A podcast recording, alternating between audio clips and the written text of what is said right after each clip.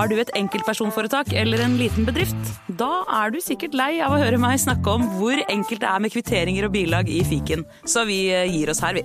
Fordi vi liker enkelt. Fiken superenkelt regnskap. Nyt sommerferien på Prime. I'm here to show you a wonderful place. Had a rough week. Opplev spennende turer. Så kan dette bli veldig farlig. Finn sommerkjærligheten. You're like a Coachella. Hi. Hi.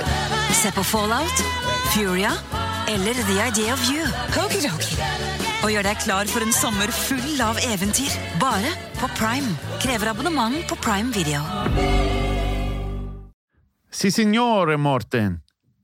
Eh, ciao, Jim. Prego. Og ciao eller prego til alle våre kjære lyttere. Og i dag så har vi en stor eh, eh,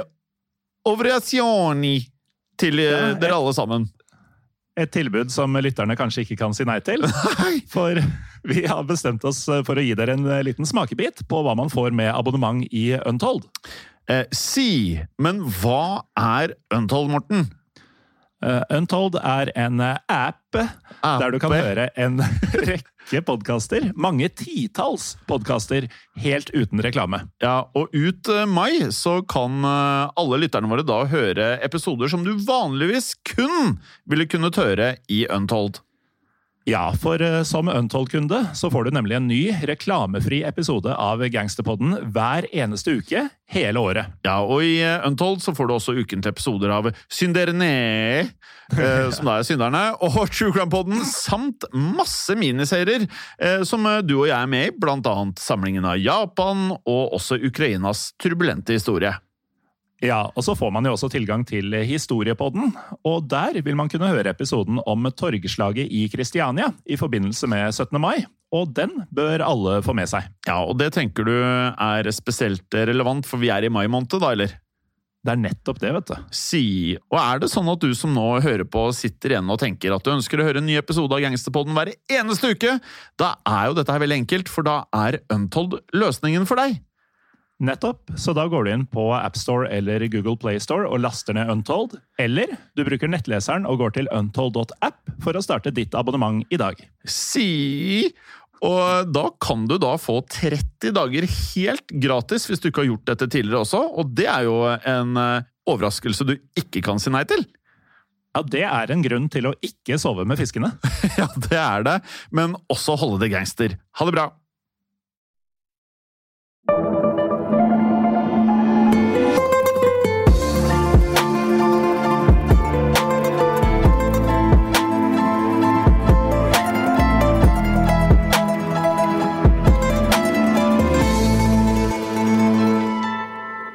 Hei og velkommen til en ny episode av Gangsterpodden. Mitt navn er Jim Fosheim. Og mitt navn er Morten Galaasen. Hei, Morten. Hei, Jim.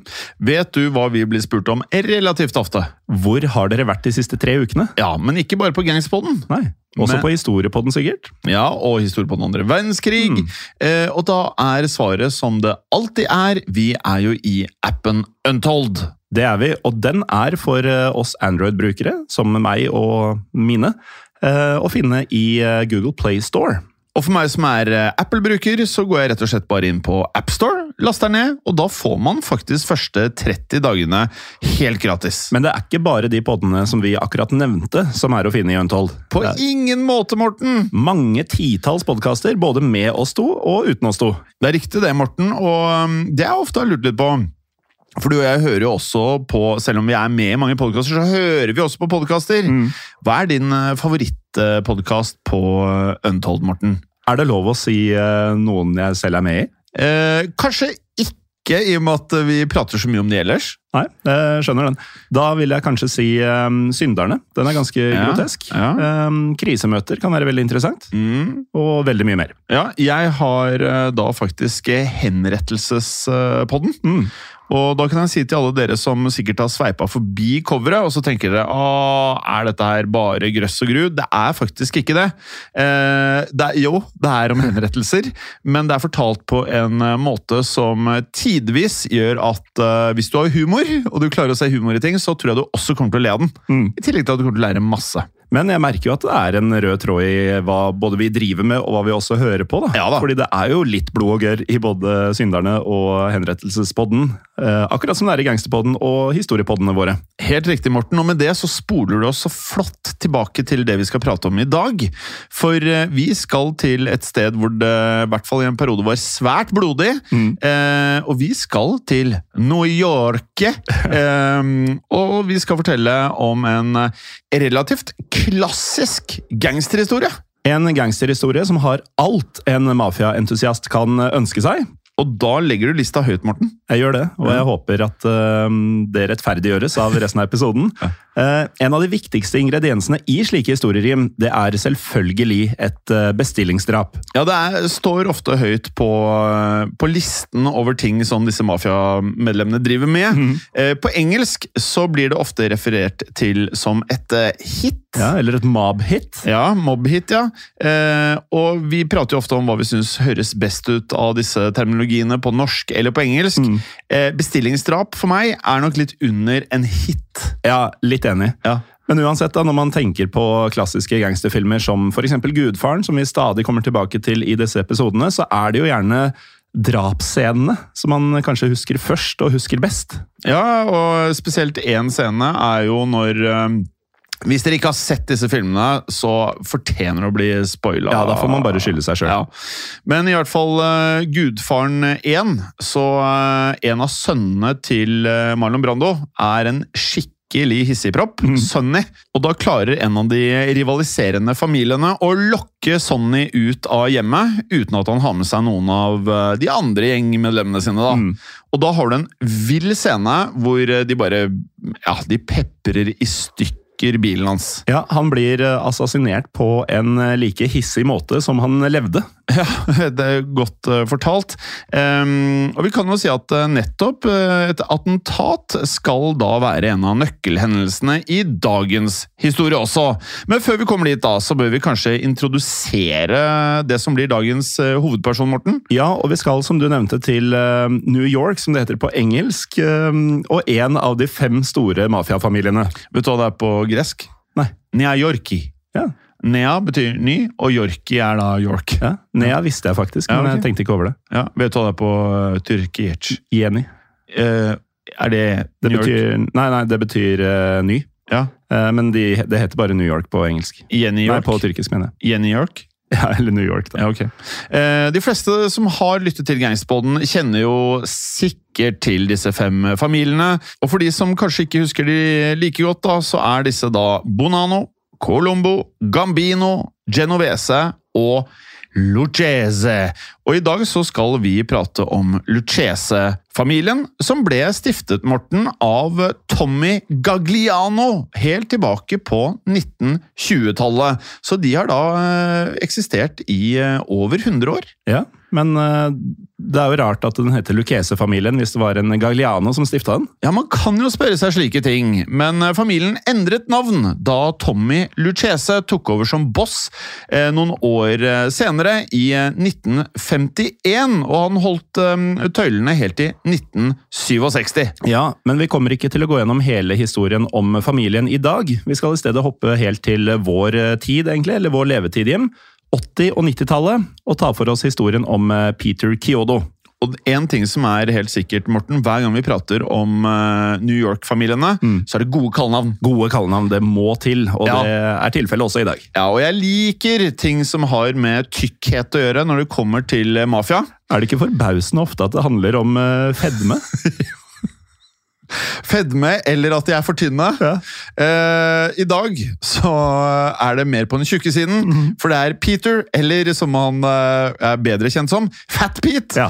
Og Fat Pete han var en gapo i uh, Lucchese-familien. Og for de som ikke er flytende i mafiaterminologi, så kan vi jo kanskje forklare hva en gapo er for noe? Ja, det kan, Får jeg lov til å gjøre det?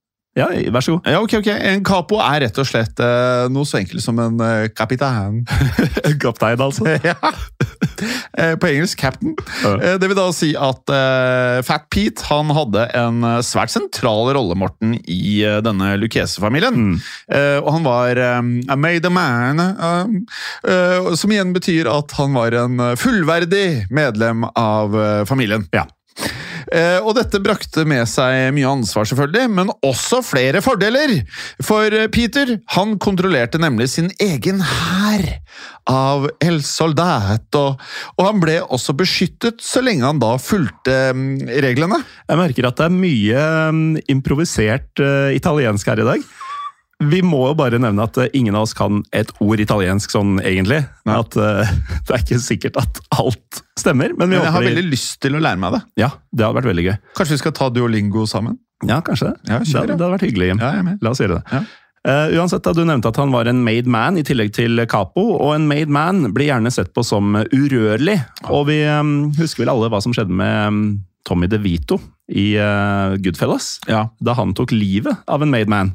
Og vi kan jo kanskje si litt om eh, hva som skjedde. Mm. Men eh, Morten, det er jo litt spesielt hvis du hører mye på Gangsterpodden og aldri har sett Goodfelles, eller? Ja, Eller Gudfaren, som vi nevnte tidligere. Ja. Da må man eh, Ja. gå i seg sjøl. Ja, man må gå litt inn i seg selv. Men ikke slutt å høre på podkasten. Se filmene nei. og fortsett å høre på Ja, ja. Og uh, vær mye på Untold. Mm. Men i hvert fall, dette her er nok en av uh, de aller mest legendariske scenene i noen gangsterfilm.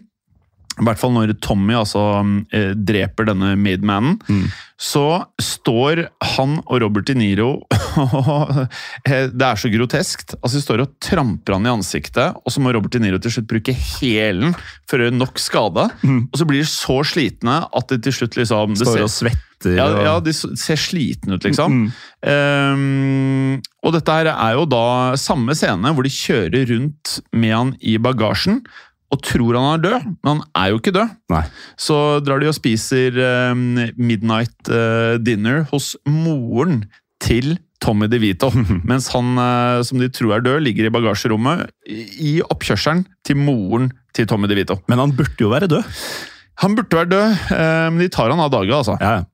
Men det som i hvert fall skjer når Tommy DeVito da har drept en som er made, og ikke er made selv, så uh, kaller, kaller liksom mafiabossen han inn til et, uh, en eh, seremoni hvor han tror han skal bli made, men i stedet så blir han drept. Ja.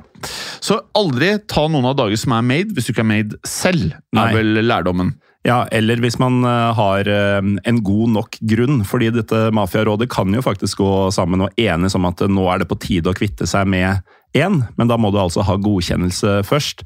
Men nå er det på tide å komme tilbake til historien om eh, Fat Pete, eh, Peter Kyodo. Ja. Og med kallenavnet Fat Pete så kommer det kanskje ikke som noen overraskelse, Jim, at eh, dette var en svær fyr. Ja, Fat Pete han var faktisk ikke veldig mye lavere enn deg.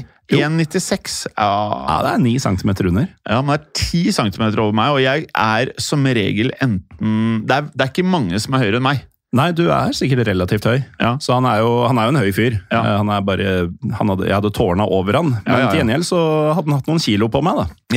Ja, han hadde hatt mange kilo på deg, for Fat Pete eh, Litt avhengig av eh, hvilket år man hadde rullet han opp på vekten. Og jeg tror du hadde trengt sånn her fiskevekt. Det Fat Pete han lå jevnt på mellom 180 og 230 kilo. Og du to meter høy! Og nesten et kvart tonn. Ja, altså Jeg eh, syns jo jeg kunne gått noe ned i vekt, eh, men hvis han da på sitt eh, meste veide 230 kilo, så veier han da det mer enn dobbelt Ja. av det jeg gjør. Og han er da nesten like høy som du sier. Det, er størrelse. Altså, han veier mer enn oss to til sammen til enhver tid, han. Ja. Veide. Um, men uh, igjen, vi er ikke ute etter å liksom fatshame noen her, men det er litt gøy med disse mafiagutta som Mm. har uh, Fat Pete som kallenavn og veier nesten en kvart uh, tonn. Mm. Og så bare husk på dette her, da. De må jo til tider faktisk være relativt eh, fysiske i arbeidet sitt. Ja, ja, aktive. Ja, Så det, det å liksom ikke ha god kondis eller ikke kunne manøvrere eh, kroppen på en bra måte, er ikke, det er ikke optimalt. Nei.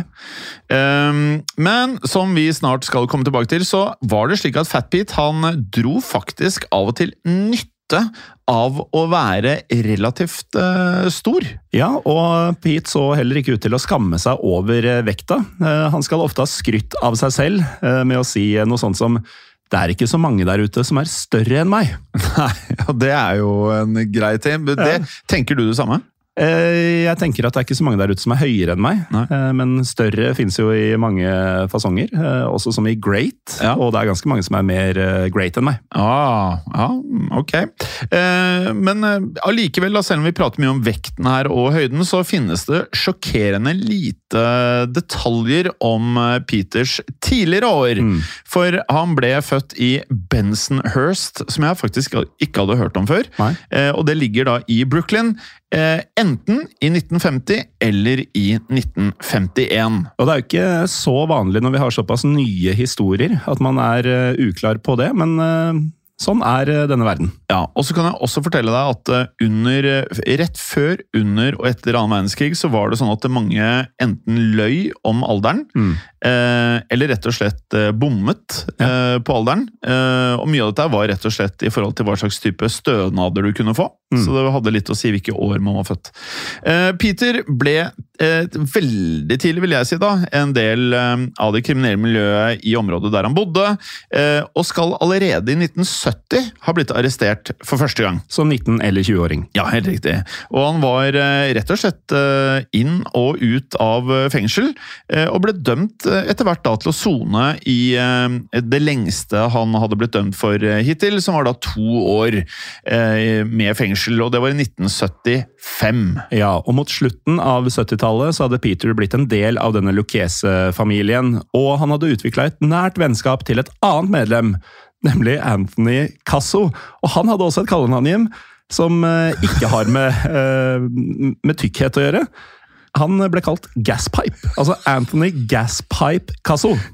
Og, og Gaspipe han skulle i løpet av 1980-tallet bli kjent som en av de aller mest hensynsløse gangsterne i hele USA. Mm. Og med det, Morten, så stiger man jo relativt fort i gradene. Ja, men det kommer ofte med en pris. Eh, Pris, ja! Eh, for han ble relativt eh, paranoid, og det skjønner jeg, fordi jeg tror jeg hadde vært megaparanoid hadde jeg vært i de miljøene her. Ja, og det er jo, man er jo selvfølgelig alltid redd for politi, FBI, myndighetene. Men så er det jo også sånn at man er jo notorisk eh, slangeaktig i disse miljøene. At det er jo enten rivaliserende gjenger, eller kanskje til og med noen blant dine nærmeste Ja, ja. som kan finne på å ønske deg av veien. Ifølge filmen Donnie Brasco så er det alltid de som står deg nærmest. Mm. Eh, men eh, jeg vet ikke med deg, Morten, men hadde jeg vært en del av dette miljøet, så hadde jeg vært mye mer redd for de andre gangsterne enn for politiet. Ja, det er jeg enig i, faktisk. På samme måte som hvis man ser eh, zombiefilmer eller zombieserier, så er det jo de andre ikke-zombie-menneskene som er de skumleste ikke-zombiene. Ja, for de tar eh, så dumme valg. Ja, de tar dumme valg, men også fordi eh, alle som lager disse filmene og seriene, ønsker å få frem hvor onde mennesker er. Ja. Så når det virkelig gjelder, så er man villig til å gjøre hva som helst eh, for å overleve. Uansett, denne Gaspipe han eh, ble til slutt eh, noe som står høyt i kurs. En konsilier. Konsilier. Altså en rådgiver for Lucchese-familien. Men han levde, eh, etter hva vi kan forstå, med en følelse av konstant eh, frykt for at eh, spesielt noen skulle tyste på han. Ja, og det betyr at Casso, eller Gaspipe, han betalte faktisk politimenn for å oppgi navn på mulige informanter. Og det hadde jeg også gjort. Ja, For han var jo livredd for at en informant skulle avsløre hva han og familien holdt på med. Men er ikke er bare veldig smart? Det er jo det, helt til du prøver å bestikke feil tjenestemann. da. Jo, det kan du jo si, men eh, heller det enn å Bli utlevert. Ja, Mm, eller å bli drept, for så vidt. for så vidt. Eh, og denne frykten den eh, ledet ofte til, om man ikke syntes at dette var ekstreme tiltak, da, så ledet det til at eh, Gaspipe gjorde både det ene og andre. Han var til og med villig til å bryte familiens egne regler, og det er jo eh, ganske drastisk. Ja, For Gaspipe han drepte, eller i hvert fall bestilte drapet, på alle som han fryktet at kunne være informanter. Og det spilte ingen rolle om dette var småkriminelle, gangstere, såkalte made men, eller helt tilfeldige mennesker som kom i hans vei. Og Casso han var ansvarlig for en av de blodigste æraene for New York-mafiaen. Og det mest spesielle med dette, Morten, er at jeg tror mange av lytterne våre aldri har hørt om Gaspipe tidligere. Nei, og dette er eh, vårt samfunnsoppdrag, Jim. Å Ja, det- fortelle folk om Gaspipe. Og sånn Gaspipe eh, tenkte, det var et rette føre var-prinsippet. Rett og slett. Ja, eh, og det har vi jo sett i mange actionfilmer også, ikke bare gangsterfilmer. Eh, og dette resulterte da i drapet på um, det man anslår skal ha vært da 136 mennesker, ganske spesifikt. Ja, og det er på en måte mm, i hvert fall 136, altså det kan være mer. Ja, og jeg, vi, vi har vel lært at det stort sett er umulig å treffe på disse tallene, i og med at eh, det er gangsterne selv Mm. som må komme opp med tallene. Så faktisk, man tenker jo alltid at det kan være mer, men det kan jo være feil. Det kan være at de har skrytt på seg også, Ja. men vi føler vel da at det som regel er høyere enn det vi opererer med.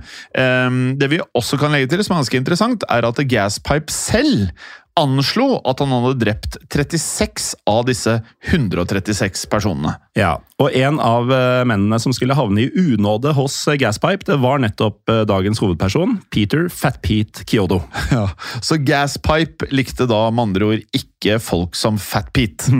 eh, og ironisk nok så skulle da Gaspipe selv ende opp som informant, faktisk, etter at han da ble arrestert en gang i 1993. Og vi kan jo gjerne dykke dypere i livet til eh, Gaspipe en eh, annen gang, Morten. Jeg har veldig lyst. Ja, jeg har veldig lyst selv. ja. Kan ikke dere lyttere gi oss en liten eh, tilbakemelding på hva dere ønsker dere?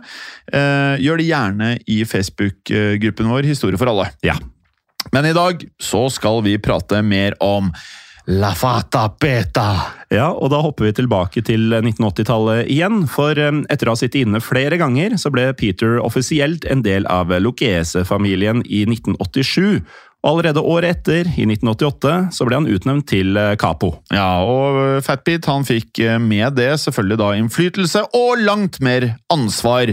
Han kommanderte da denne lille hæren sin. Og eh, Fatbeat og mm, gjengen hans de hadde blant annet ansvar for å drive med noe som eh, innenfor eh, den verden vi prater om, ja, det er jo liksom relativt uskyldig. Ja. Eh, Hvis du ser på Sopranos, så virker det jo nesten som ja, noe av det mildeste du kan gjøre, nemlig utpressing av fagforeninger. Det er bare det er et par kneskåler som ryker innimellom. Ja, Det er sånn grunnleggende mafiavirksomhet, eh, i hvert fall på østkanten eller østkysten av USA. Veldig ABC-ete. Ja, veldig ABC-ete. Eh, Men eh, dette var likevel hardt og tidvis skittent arbeid. Men livet som capo i Lucchese-familien det kom da med flere goder. For Fat Pete han ble eh, velstående, han ble en rik mann, og han kjøpte seg et stort hus på Staten Island. Ja, og Pete han eh, hadde et eh, unikt talent, etter hva vi kan forstå, da, for å få det mer eller mindre akkurat som han ville. For det var jo ikke mange som var større enn han. Nei, det var ikke det. Og han kunne jo da skremme folk relativt meget, Morten. Mm. For Pete, han var ikke bare en torpedo. Nei, han hadde også en diplomatisk eh, side, og han var eh, snartenkt og valgte faktisk ofte å mekle og forhandle i stedet for å bruke vold. Ja, og jeg, når jeg hører slikt, jeg blir alltid litt skuffet med en gang. Ja. Samtidig så liker jeg at det da er en dimensjon til. Ja, og det gjør den egentlig bare skumlere, for du veit at han er svær og sint og voldelig. Ja. Men hvis man også er smart, Ja. da er det ekstra uggent. Åh. Men det skal også nevnes, eh, Morten, at Fatbeat han, han var ikke redd for å ty til de ekstreme virkemidlene. Rett og slett uredd. Han var uredd, Morten, er helt riktig. Og med det så var det ting som det å brekke bein, det var han ikke redd for. Neida. Og han kunne gjerne drepe dersom han fikk ordre om det. Ja, og på slutten av 1980-tallet så ble det bestemt at eh, det skulle byttes ut vinduer i bygninger over hele New York. Og jeg synes jo Når vi prater om disse gangsterne, så er det alltid spennende å starte med at det var noen vinduer som skulle byttes. Ja, det er liksom eh, borgermesteren og rådhuset, City Hall og sånn. Ja. De, eh, der byr det seg muligheter. og for Lucchese-familien var dette en gedigen mulighet. For eh, ved å kontrollere disse fagforeningene til arbeiderne, så kunne Lucchese-familien nemlig tjene penger på hvert eneste oppdrag. Og her snakker vi om uh, Dette her er ABC, det òg, vet du. Ja, ja, grunnleggende gangstervirksomhet. det er klassisk. Uh, For her baserer man seg jo da på utpressing og kontroll, da. Men det var effektivt, og det var jo grunnen til at de holdt på med dette her. Og uh, Fat Pete og resten av Lucchese-familien de dro inn millioner av dollar på dette her. Ja, og Lucchese-familien var også med på å presse prisene opp og eliminere all konkurranse på markedet. Mm, mm, Mm. For det er jo det man vil ha, Morten! Det er nettopp det. Eh, de er jo businessfolk. Du skal ha høyere priser. Yes. Eh, og hvis man tenker da på hvor mange vinduer som finnes i New York, så forstår man jo at eh, dette måtte jo være som en vaskeekte gullgruve. Ja, det måtte det. Og Peter, eller Fat Pete, han spilte en sentral rolle i denne operasjonen. For han skulle bl.a. kreve inn utbetalinger fra disse fagforeningene og skremme vekk eventuelle konkurrenter. Og det kunne han jo da gjøre ved å være stor og skummel, men samtidig snartenkt og eh, meklersk. Hver gang vi har disse episodene, Morten, så tenker jeg at eh, jeg hadde vært den beste for mafiaen har hatt som leder for fagforeninger, leder av en lokal kaffesjappe. Jeg hadde bare betalt Jeg hadde vært Jeg hadde, jeg hadde gjort hva enn de sa. Til Ja. enhver tid. Når de kommer og sier det hadde vært synd om kafeen din blir utsatt for en ulykke, Og så har jeg sagt Do you want the espresso, mister? Uansett, eh, på denne måten så hadde da Lucchese-familien monopol på alle oppdragene i sine områder. ja, Og som nevnt, så var jo ingen større enn Fat Pete. Nei. Ja, Så når han troppet opp og truet med å da knuse kneskålene dine, så gjør du jo som han ber om. Det gjør du, men eh, selv om Peter gjorde en upåklagelig jobb, så var det ikke bare fryd og gammen innad i familien. For eh, etter flere år med relativt rolige arbeidsforhold, så hadde ledelsen begynt å frykte at det var informanter innad i organisasjonen. I think I smell a rat. Og med denne rottelukta så var lederen for Lucchese-familien, en Vic Amuso, eh, allerede på saken sammen med Anthony Gaspipe Casso. Ja, det var de. og uh, Gaspipe han hadde allerede begynt å luke ut mulige tystere. Ja, og når du sier luke ut, Jim, så mener vi jo at uh, disse mulige tysterne de sover nå med fiskene. Og hvordan denne utlukinga foregikk, det skal vi fortelle mer om etter en kort pause. Si! Velkommen tilbake. Jim, eh, før pausen så var Gaspipe i gang med å luke ut eh, tystere. Noi siamo i morti! Eh, som betyr eh, Det var han, Morten, eller noe sånt? eh, det var vi, Morten. Ja. Ja, eh, og du har tydeligvis Morty på italiensk, ifølge Google Translate. Ja.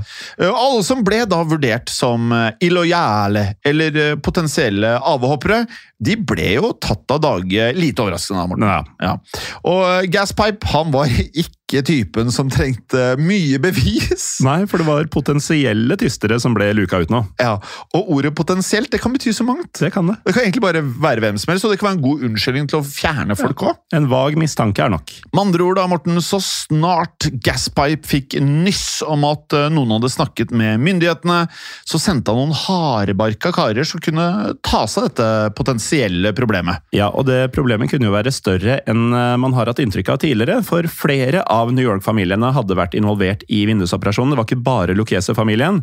Og i 1989 så ble et medlem av Genovese-familien avslørt som informant. Og dette skulle ta paranoiaen til nye høyder. Casso, eller Gaspipe, han frykta at lederen for arbeidernes fagforening, en John Morrissey, også skulle tyste. Jeg er glad jeg ikke var John eh, Morrissey, i hvert fall. Eh, og med det så fikk, fikk da Fat Pete uh, dermed i oppdrag å kvitte seg med Morrissey. Og dette her var um, tidlig morgenen 17. september 1989. Og Morrissey han hadde reist ut til en bygningsplass i New Jersey, hvor han da trodde at han skulle møte Vic Amuso. Men han ble i stedet tatt imot av Peter Fat Pete Kyodo. Og um, Fat Pete han beskrev det som et uh, øde sted, omringa av tett skog. Og da tror jeg kanskje Morrissey begynner å tenke at uh, her uh, har han uh, valgt sted med omhu. Jeg hadde insistert å sitte i bilen med motoren på. Ja, og I tillegg da så fikk Morrissey antagelig en enda dårligere følelse da han ble leda inn på et lite kontor som lå inne i en brakke. Nei takk. Og her sto det allerede to bevæpna gangstere og venta på dem. Ja, og Pete han eh, forklarte at han eh, skulle hente Amuso og etterlot Morrissey på kontoret. Og utenfra så hørte Fat Pete eh, fire skudd, etterfulgt av en stillhet. Ja, og da skjønner jo folk hva disse to gangsterne hadde gjort med Morrissey. Morrissey han ble senere pakka inn i et teppe og begrava i et hull på denne bygningsplassen. Og Fatbeat han kunne dermed rapportere til eh, Gaspipe at eh, oppdraget var utført. Og det her er jo verken første eller siste gang vi eh, enten i filmsammenheng eller i Gangspodden hører om at mafiafolk bruker tepper. Mm. Det er mange som blir rulla inn i tepper og frakta rundt. Ja, den funka på 30-tallet, den funker i dag. Mulig det, men selv om de da utslettet eh, alle potensielle informanter, så var Amuso og Gaspipe fremdeles like paranoide. Og Gaspipe han eh, hørte nemlig nå rykter om at eh, flere kom til å bli tiltalt i eh, sammenheng med da, denne vindusoperasjonen. Og når det da blir eh, for hett på gatene, Morten, hva, hva gjør man da? Da kjøler man seg kanskje ned et helt annet sted. Ja, man gjør det, og med det så eh, tok Gaspipe og Amuso beina fatt i og flyktet fra New York, og da var vi i første halvdel av 1990. Jim, du veit åssen vi har nevnt flere ganger at eh, kallenavn i disse miljøene ofte handler om størrelse. Ja, ja, alt fra om du er høy, lav, eh, tykk eller ikke tykk. Ja, og med Amuso borte, så trenger man en ny boss i familien, og det skulle man få. I form av Alphonse eh, Darko, som ble kalt Little Al. Men var fremdeles Amuso og Gaspipe som satt med den reelle makta. Og når du heter little, det kan bety både at du eh, ja, er mager Ja. i kroppen, Kort, eh, kort, eller begge deler. ja, men det kan også være ironisk. At Ja. du kan være kjempestor. Ja, for du kan være tykk eller høy, eller begge deler. Ja. Eh, Så med det så har man dekket mye, potensielt. Men denne gangen, Morten, så hadde Gaspipe endelig grunn til å være bekymret. Oh, ja. For i mai 1990 så ble nemlig Amuso, Gaspipe og Fat Pete tiltalt for utpressing og ja, noen andre punkter nedover gangstervirksomhetslista. Som betyr at de ryktene Gaspipe hadde plukka opp, faktisk eh, stemte. Ja, de stemte denne gangen. eh, Og tenk deg hvor mange ganger det sikkert ikke stemte. Hvor mange mennesker som ble borte fordi det ikke stemte. Ja, Når du er gjennomparanoid over en lengre periode, så er det ikke sikkert at alle eh, magefølelsene dine er korrekte. Nei, på ingen måte. Og de ble ikke da siktet for én eller to ting. De ble siktet for eh, totalt 14 ulike forbrytelser. Og Fatbeat han ble i tillegg da tiltalt for eh, korrupsjon og også trusler, eh, sammen med elleve andre av eh, hans familiemedlemmer. Ja, Men Fat Pete han var ikke spesielt interessert i å havne i kasjotten, og han erklærte seg derfor skyldig i håp om å inngå en avtale med etterforskerne. Fat Pete hadde altså ikke tysta på noen andre, men det ble sett på som et stort svik å erklære seg skyldig uten å forhøre seg med bossen først, og Gaspipe han frykta nå at hele organisasjonen sto i fare. Ja, han gjorde det, og Fat Pete han eh, hadde allerede falt i unåde hos eh, selvfølgelig da både Amuso og Gaspipe. De var nemlig veldig misfornøyd med at eh, flere bestillingsdrap, eller hitter, hadde tatt altfor lang tid. Ja, De var ikke sånn supertålmodige. Det skulle gå kjapt, dette, Morten! Ja, det skulle det. Og jeg kan jo eh, forstå de, akkurat som jeg jobber jo på et eh, kontor. eh, Mm. Altså, studioene er jo i i samme lokale som kontorene våre. Ja.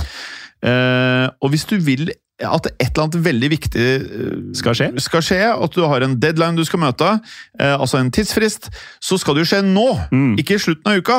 Og når de ønsker å ha folk av eh, dage, så eh, tror jeg ikke det alltid er slik at man har god tid. Da Nei. er det folk som enten er på vei til å si et eller annet som vil kompromittere hele bedriften. Så det må gå fort. Ja, jeg tror ikke du kan Du har ikke veldig slingringsmonn på tid i gangsterbransjen. gangsterbransjen. Og de bruker ikke kalender heller. Du kan ikke legge inn i kalenderen et eller annet sted. Du må bare i hodet vite hva du skal gjøre. Ja, og helst gjøre det med en gang. Ja. Men ved å tilstå så hadde Fatbeat brutt en av familiens absolutt viktigste regler, og så snart eh, Gaspipe fant ut av dette, så var avgjørelsen tatt. For når du har gjort noe som bryter så fundamentalt med denne gangsterkodeksen eller gangsterkoden, da spiller det ingen rolle om du er en made man, som Fatbeat var.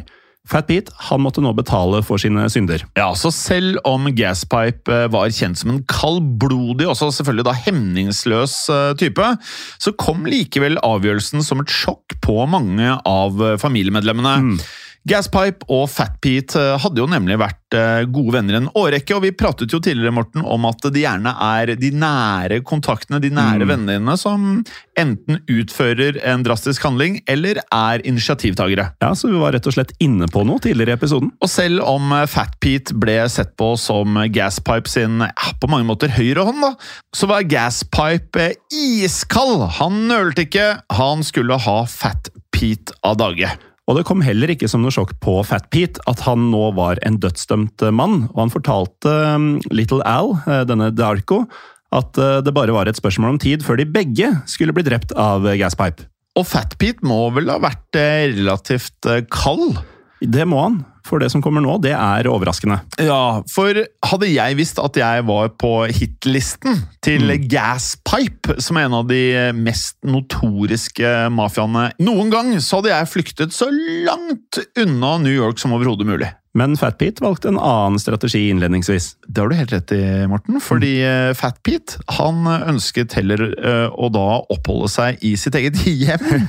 Eh, og med det så var det jo slik at Lucchese-familien de holdt jo da øyemann til enhver tid. Og de avlyttet jo også telefonen hans for å kunne komme han i forkjøpet. Og snart så innså Lucchese-familien at Fat Pete han hadde tenkt til å forlate New York i påvente av rettssaken. Og han burde jo dratt mye tidligere. Han burde jo det. Og Gaspipe han bestemte at eh, de måtte slå til nå, før det var eh, for sent. For eh, han visste at det var for risikabelt å angripe Fat Pete i sitt eget hjem. Men tidlig på morgenen den 8. mai 1991 så dukka den perfekte muligheten opp. Og denne muligheten den kom i form av at Pete skulle innom en bensinstasjon med bilen. Det skulle ikke mer til for å åpne et vindu. Og et viktig vindu for Gaspipe, som nå hadde planlagt en hit på Fat Pete. Og idet Fat Pete eh, gikk ut av bilen, og dette er akkurat som en scene fra en gangsterfilm, han åpnet panseret og fikk raskt øye på to væpnede menn som kom eh, relativt raskt gående mot han. Ja, Men dette var jo ikke et scenario som overraska Fat Pete, for han visste jo at Gaspipe sine menn kunne slå til når som helst. Og han var jo dreven. Han var jo dreven, han var forberedt, og han var naturligvis også bevæpna. Ja, om han var. Eh, og vi kan jo da se for oss at eh, de to som kom gående mot Fat Pete, var eh, erfarne, de også. Ja, men det var de ikke nødvendigvis. Det har du helt rett i, for idet da den første av disse hitmennene da skulle fyre av, så mistet han pistolen. Ja, Det høres uh, fomlete og klønete og um, rett og slett uvørent ut. Altså, Hadde jeg vært en hitman, så hadde jeg mista pistolen. Ja, Men du hadde jo ikke vært en hitman. Ja, jeg, jeg tror jeg hadde vært bedre på å være han som hentet uh, calzoner cano canolis. Som løp over gata for uh, cannoli. Og med det så rakk jo Fat Pete å trekke sin egen pistol og skyte mot dem. Ja, og Nå høres det ut som han har et kjempeovertak, men det ble en uoversiktlig situasjon her. Et kuleregn. Og Fat Pete han ble til tross for denne fomlinga med pistolen og sånn, truffet i armene, så i beina, så i magen og så i nakken. Og da det hele var over, så hadde Fat Pete blitt skutt hele tolv ganger. Det er eh, tre ganger mer enn 50 Cent. Pete derimot hadde ikke truffet med noen av sine skudd, og han lå nå på bakken i eh, det som har blitt beskrevet som en stor pøl av eh, sitt eget blod. Ja, og da gikk jo en av disse hitmennene bort til Peter mens det fortsatt var kruttrøyk i lufta, og utrolig nok, etter disse tolv skuddene, hvorav ett var i nakken, så så Fat Pete fremdeles ut til å være i live. Den eh, væpnede mannen den heva pistolen en siste gang og skulle til å fyre av, men, og dette er nesten for godt til å være sant, idet han pressa inn avtrekkeren hjem, hva tror du skjedde? Dette er da kompisen til han som hadde mista pistolen tidligere. Jeg håper ikke pistolen låser seg. Det gjorde den, vet du. Det gjorde den, ja, men eh, ettersom Fat Pete da var truffet tolv ganger, så regnet jo disse to mennene med at han eh, ville blø i hjel i løpet av kort tid. Ja, Så de satte ikke det siste nådestøtet og storma i stedet fra åstedet og etterlot eh, en tilsynelatende døende Fat Pete på bakken. Men det vi vet, eh, også fra The Godfather, er at du skal alltid skyte eh, motstanderen i huet. Ja, det skal du. Og som vi også lærte av scenen fra Goodfellas tidligere i episoden, det holder ikke å trampe hvis du ikke veit at han faktisk er død. Ja, Du kan stikke, du kan trampe, du kan skyte, du kan henge. Du må vite at det ikke er puls. Ja. Og nå har vi lagt uh, til rette hjem for at Fat Pete kanskje ikke er dau. Eh, Ja, vi har jo det, for eh, Pete han var ikke ferdig. Nei. For etter at eh, disse to mennene hadde kommet seg unna, da, så reiste Pete seg opp, akkurat som Terminator. Ja, eller Rasputin fra historiepodden.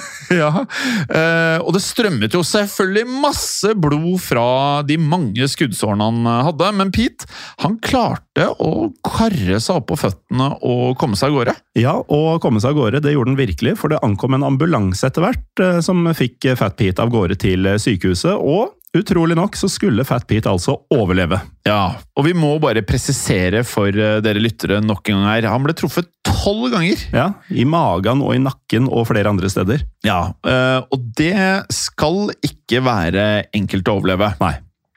Men han var jo Fat Pete, eh, og han ble faktisk da reddet av eh, sitt eget kroppsfett. Ja, for eh, som vi nevnte i innledninga, så er det en grunn til at vi velger å fortelle at eh, Peter var en svær mann. For legene mente nemlig at dette var det eneste som holdt han i live.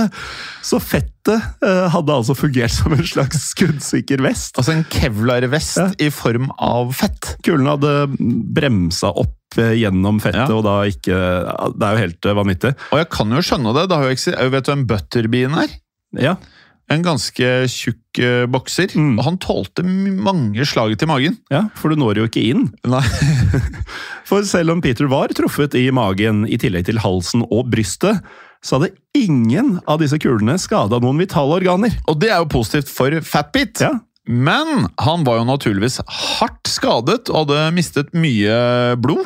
Eh, så det var ikke sånn at han bare ristet av seg skadene. Det var det ikke. Han er ikke på en måte Supermann her. Han er ikke faktisk Terminator. Han er ikke Iron Man. Nei. Eh, men å overleve dette angrepet, da, det skal eh, selvfølgelig ikke være mulig.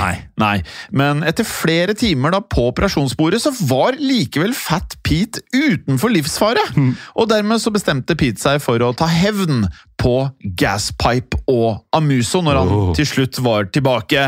Og han planla med det å tyste på hele familien. Ja, og Gaspipe han ble selvfølgelig rasende da han fikk høre at Peter hadde overlevd. Og det blir jo litt eh, Vi, vi var jo inne på dette her med en kontorsetting.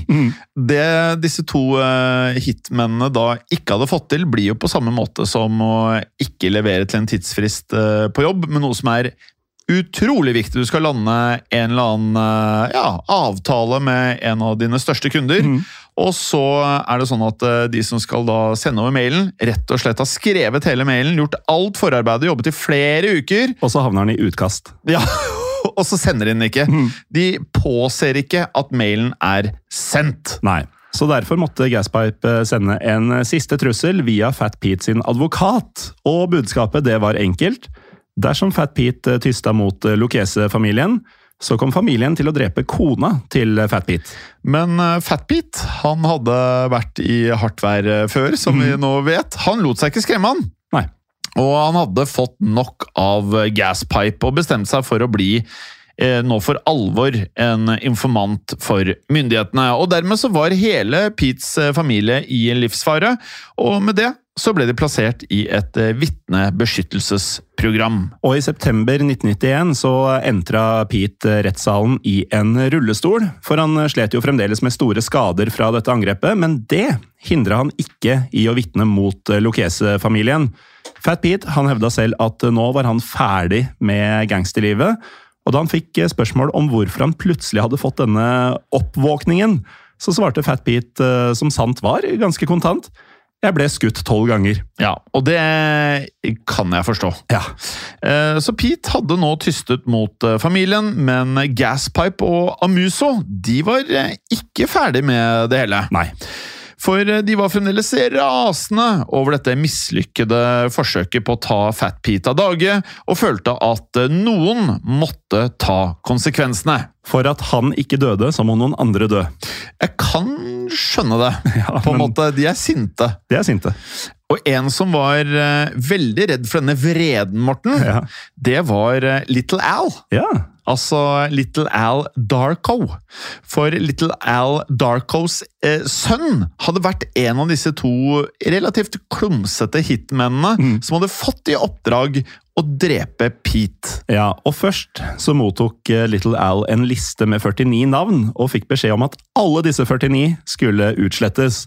Og Han skjønte jo da at uh, Gaspipe og Amuso de var ikke lenger uh, tilregnelige eller til å stole på. 49 navn, Morten. Det er, mm. det er, det er mange. Ja, Det er to mann som har mislyktes i jobben sin. 49 skal stryke med. Um, og da Little Al i tillegg ble erstatta som boss, så skjønte han at uh, hans dager var talte, og han bestemte seg da for å flykte og ble snart den neste informanten fra Lucchese-familien. Ja, og Little Al han øh, gjorde jo egentlig akkurat det samme som øh, Fat Pete. Da, Yes. Han ble dermed den første mafiabossen som eh, ble sett på som en FBI-informant. Og Little Al så dette som den eneste måten han kunne beskytte seg selv, men også sin egen familie på. Mm. Eh, og han hadde trolig også et poeng her, for Gaspipe var Han var nå desperat. Mm etter å hevne seg på enhver person han kunne, og spesielt på Fat Pete. Ja, Gaspipe var fremdeles ute etter Fat Pete, men han klarte det jo ikke å spore opp. Han var i Witness Protection Program, og da måtte de rett og slett nøye seg med å drepe søsteren til Fat Pete. Og Den 10. mars 1992 ble hun angrepet av væpnede menn i sin egen bil. Ja, Hun hadde rett og slett eh, akkurat levert eh, barna sine på skolen da denne bilen eh, kjørte opp langs på siden av hennes bil. Og Med det så fløy det kuler gjennom ruten hennes, og hun ble truffet i armen, ryggen og også nakken. Ja, Å treffes i nakken det høres jo kjent ut, men det var åpenbart noe spesielt med denne familien Kyodo. Eh, nå vet vi ikke nødvendigvis om eh, Fat Pete og søsteren hadde de samme si, fysiske forutsetningene, men uh, søsteren hun overlevde i hvert fall også attentatforsøket. Ja, og onkelen til Pete, en Frank Signorino, var eh, ikke like heldig. Men han hørtes like italiensk ut, minst. Ja, og vi vet heller ikke hvor eh, mye kevlar, hvis du skjønner hva jeg mener. Naturlig han, kevlar? Ja, hvor mye kevlar han hadde. Den 2. Eh, februar 1993 så ble han eh, funnet i bagasjerommet på en eh, bil med flere kulehull i hodet. Her hadde de lært. Her hadde de lært, og jeg, jeg mener jo at dette dette er det Det er sånn jeg kjenner New York-mafiaen. Eh, ikke at man eh, tar noen sjanser. Nei. Du skal være sikker på at du har fått fjerna de du ønsker å fjerne. Mm. Og I tillegg til dette så ble da huset til bestemoren til Fat Pete det ble brent ned til grunnen. Men om du tror eh, disse angrepene på familien hans var nok til å skremme Fat Pete, så tar du feil. For eh, hans vitneuttalelser skulle bidra til å sende en rekke mafiamedlemmer bak uh, lås og slå.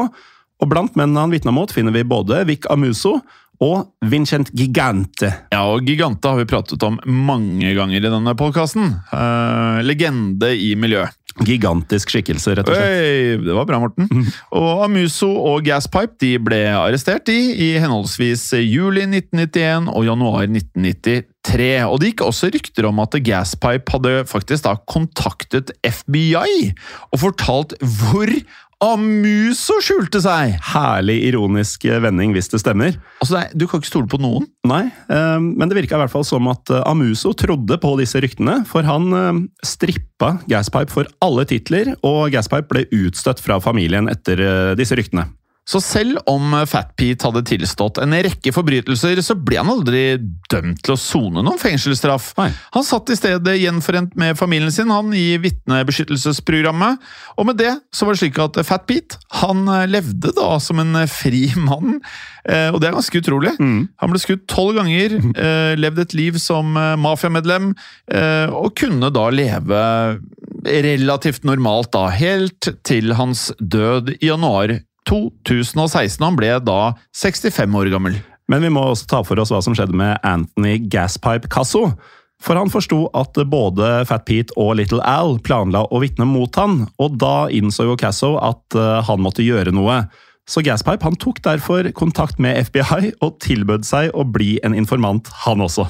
Altså, det her er ikke de du tar med ut i krigen, altså. Nei, men tenk så langt ned på lista over ting som det er aktuelt å gjøre i løpet av livet ditt. Tysting var for Gaspipe tidligere i episoden. Og ikke bare skulle han tyste, Morten. Mm. Han uh, skulle rett og slett uh, angi både korrupte politimenn, som da hadde delt informasjon, og også drept på hans ordre. Da er du korrupt politi, hvis Ja. du dreper på mafiaens ordre. Og det er jo i den derre De ubestikkelige med Kevin Costner og Sean Connery. Mm. Den er bra. Ja, den er knallbra, vet du. Uh, Garcia er med der òg. Mm. Mye bra skuespillere. Uh, Gaspipe han fortsatte å navngi også eh, familiemedlemmer, han. Uh, og innrømmet at han også sto bak en rekke forbrytelser eh, selv, og også bestillingsdrap. Men en ting Gaspipe nekta for, var at han sto bak drapet på onkelen til Fat Pete, eller å ha satt fyr på huset til bestemoren. Og mange var skeptiske til om Gaspipe egentlig fortalte alt han visste, og han ble til slutt bedt om å ta en løgndetektortest. Og denne testen avslørte at Gaspipe han løy om flere detaljer. Ja, det er ikke veldig overraskende. Nei, det er det ikke. Gaspipe ble til slutt eh, tiltalt for eh, Det her er mye, altså. 70 ulike forbrytelser. Ja. Og blant disse 70 forbrytelsene så var det da 15 drap. Men eh, når man tenker over det, fins det virkelig så mye som 70 forskjellige forbrytelser? Det gjør jo selvfølgelig det, men Ja. da, er, da, har du, da er det ikke mye du ikke har gjort. Men jeg tenker kanskje 70 forbrytelser, at det kan være flere av de samme forbrytelsene, bare at eh, man har bare plusset alt sammen. da. Det kan være. Ja. Eh, og han ble til slutt da dømt til å sone, og det er jo en gjenganger i podkastene våre, Morten, med disse soningene. Hvor mange livstidsdommer eller hvor mange år det går an å få. Du bygger opp til at det blir eh, noen livstidsdommer her. Ja, dette her, eh, og du vet når man sier livstidsdom, det kan jo være det, er føler et sånn upresist uh, tall, Mm. eller en upresis eh, terminologi. Ja. Men her er det veldig presist, da. For eh, Gaspipe han skulle sone 455 år i fengsel. Eh, og følte da selv at han hadde blitt lurt. Ja. Så han ville komme ut av fengsel i sånn år 2450 eller noe sånt. Ja, noe sånt. Noe sånt. Og jeg kan jo skjønne at han følte seg lurt. Jeg skjønner jo det. Eh, For han ga uttrykk for at han angra på at han hadde samarbeida med myndighetene, og han følte at han hadde vanæret sin egen familie, og gjentok at han alltid hadde hata tystere og informanter. Og dette leda jo igjen til en dyp selvforakt hos Gaspipe. Og det kan vi jo forstå. altså Livene deres er levd etter en æreskodeks, Mm. og så bryter hun den selv når du da har stått for eh, det motsatte. Ja, Og du bryter da med de verste prinsippene som du vet å bryte med. Og så klarer du allikevel å rote det til hvor du egentlig bare ser dummere ut Mm. enn før du tok valget. Ja. Han sonet fremdeles eh, dommen sin, eh, Morten, da han døde den eh, 15. desember 2020. Og dødsårsaken, det kan ikke være en eh, vi har opplevd i Gangsterpodden tidligere. Nei, dette er veldig um, aktuelt. Veldig aktuelt, for angivelig da, så var det slik at dødsårsaken skal ha vært covid-relatert. Ja. Altså- det er første gang vi nevner covid i gangsterpodden i det hele tatt, tror jeg. Nei, det tror jeg ikke. Så Anthony Gaspipe Sasso han ble da 78 år gammel. Og da er vi også i mål med episoden vår om Peter Fat Pete Kyodo, mannen som var for tjukk til å bli drept. Og det er faktisk tilfellet. Han var så tykk at han ikke døde. Ja, og det er ikke vi som sier det, det er legene. Ja. Eh, Men han ble jo da skutt eh, mange ganger, Jim. Tolv i tallet. Og du nevnte jo 50 Cent i den anledning. Helt riktig. 50 Cent han ble jo eh, skutt ni ganger og overlevde det. Han hadde ikke like mye fett som Fat Pete, men han hadde mange sanger som gjorde det stort på Billboard-listene. Det hadde han, og nå skjønner sikkert lytterne at vi skal komme med ukas gangsterlåt til denne spillelista på Spotify som heter Gangsterpodden. Veldig bra, Morten. En av sangene på første studioalbumet som ble laget sammen med Dr. Dre og Eminem, altså Get Rich or Die Trying, så var det en eh, sang som ikke var nødvendigvis blant de største hitene, men blant de beste sangene, nemlig Many Men Wish Death. Den spillelista finnes som eh, sagt på Spotify, men hvor vi finnes neste uke, Jim, det er på Untold. Ja, og da gjør du som vi nevnte i innledningen, hvis du ønsker å høre alt av episoder til Gangsterpodden, Historiepodden, Historiepodden andre verdenskrig og mange, mange andre podkaster, så går du, hvis du er Apple-bruker, inn på AppStore og laster ned Untold. Og vi Android-brukere gjør det samme i Google Play Store. Og hvis du ønsker å gjøre det på den tredje måten, som er da rett og slett å bruke browseren, så skriver du untold.app, og så kan du bli kunde i Untold på den måten. Og dersom du blir kunde i Untold, så er det ekstra viktig at du, i likhet med meg og Jim, ikke sover med fiskene. Men holder deg gangster. Ha det bra. Arrivederci, Marti!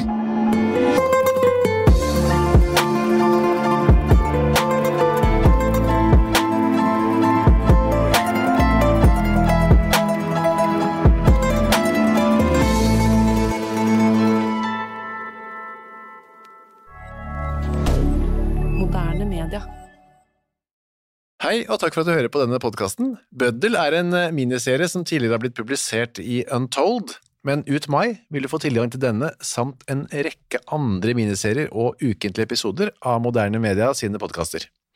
Du finner Bøddel og andre podkaster som Henrettelsespodden helt reklamefritt i Untold. Som en liten smakebit så får du hver uke i mai en ny episode av disse podkastene, som vanligvis kun er tilgjengelig for Untold-abonnenter.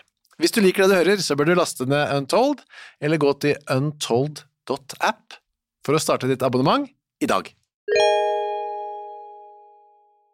Hei, Fredrik og Bjørn Henning her. Vår nye podkast Fordomspodden den er ute nå.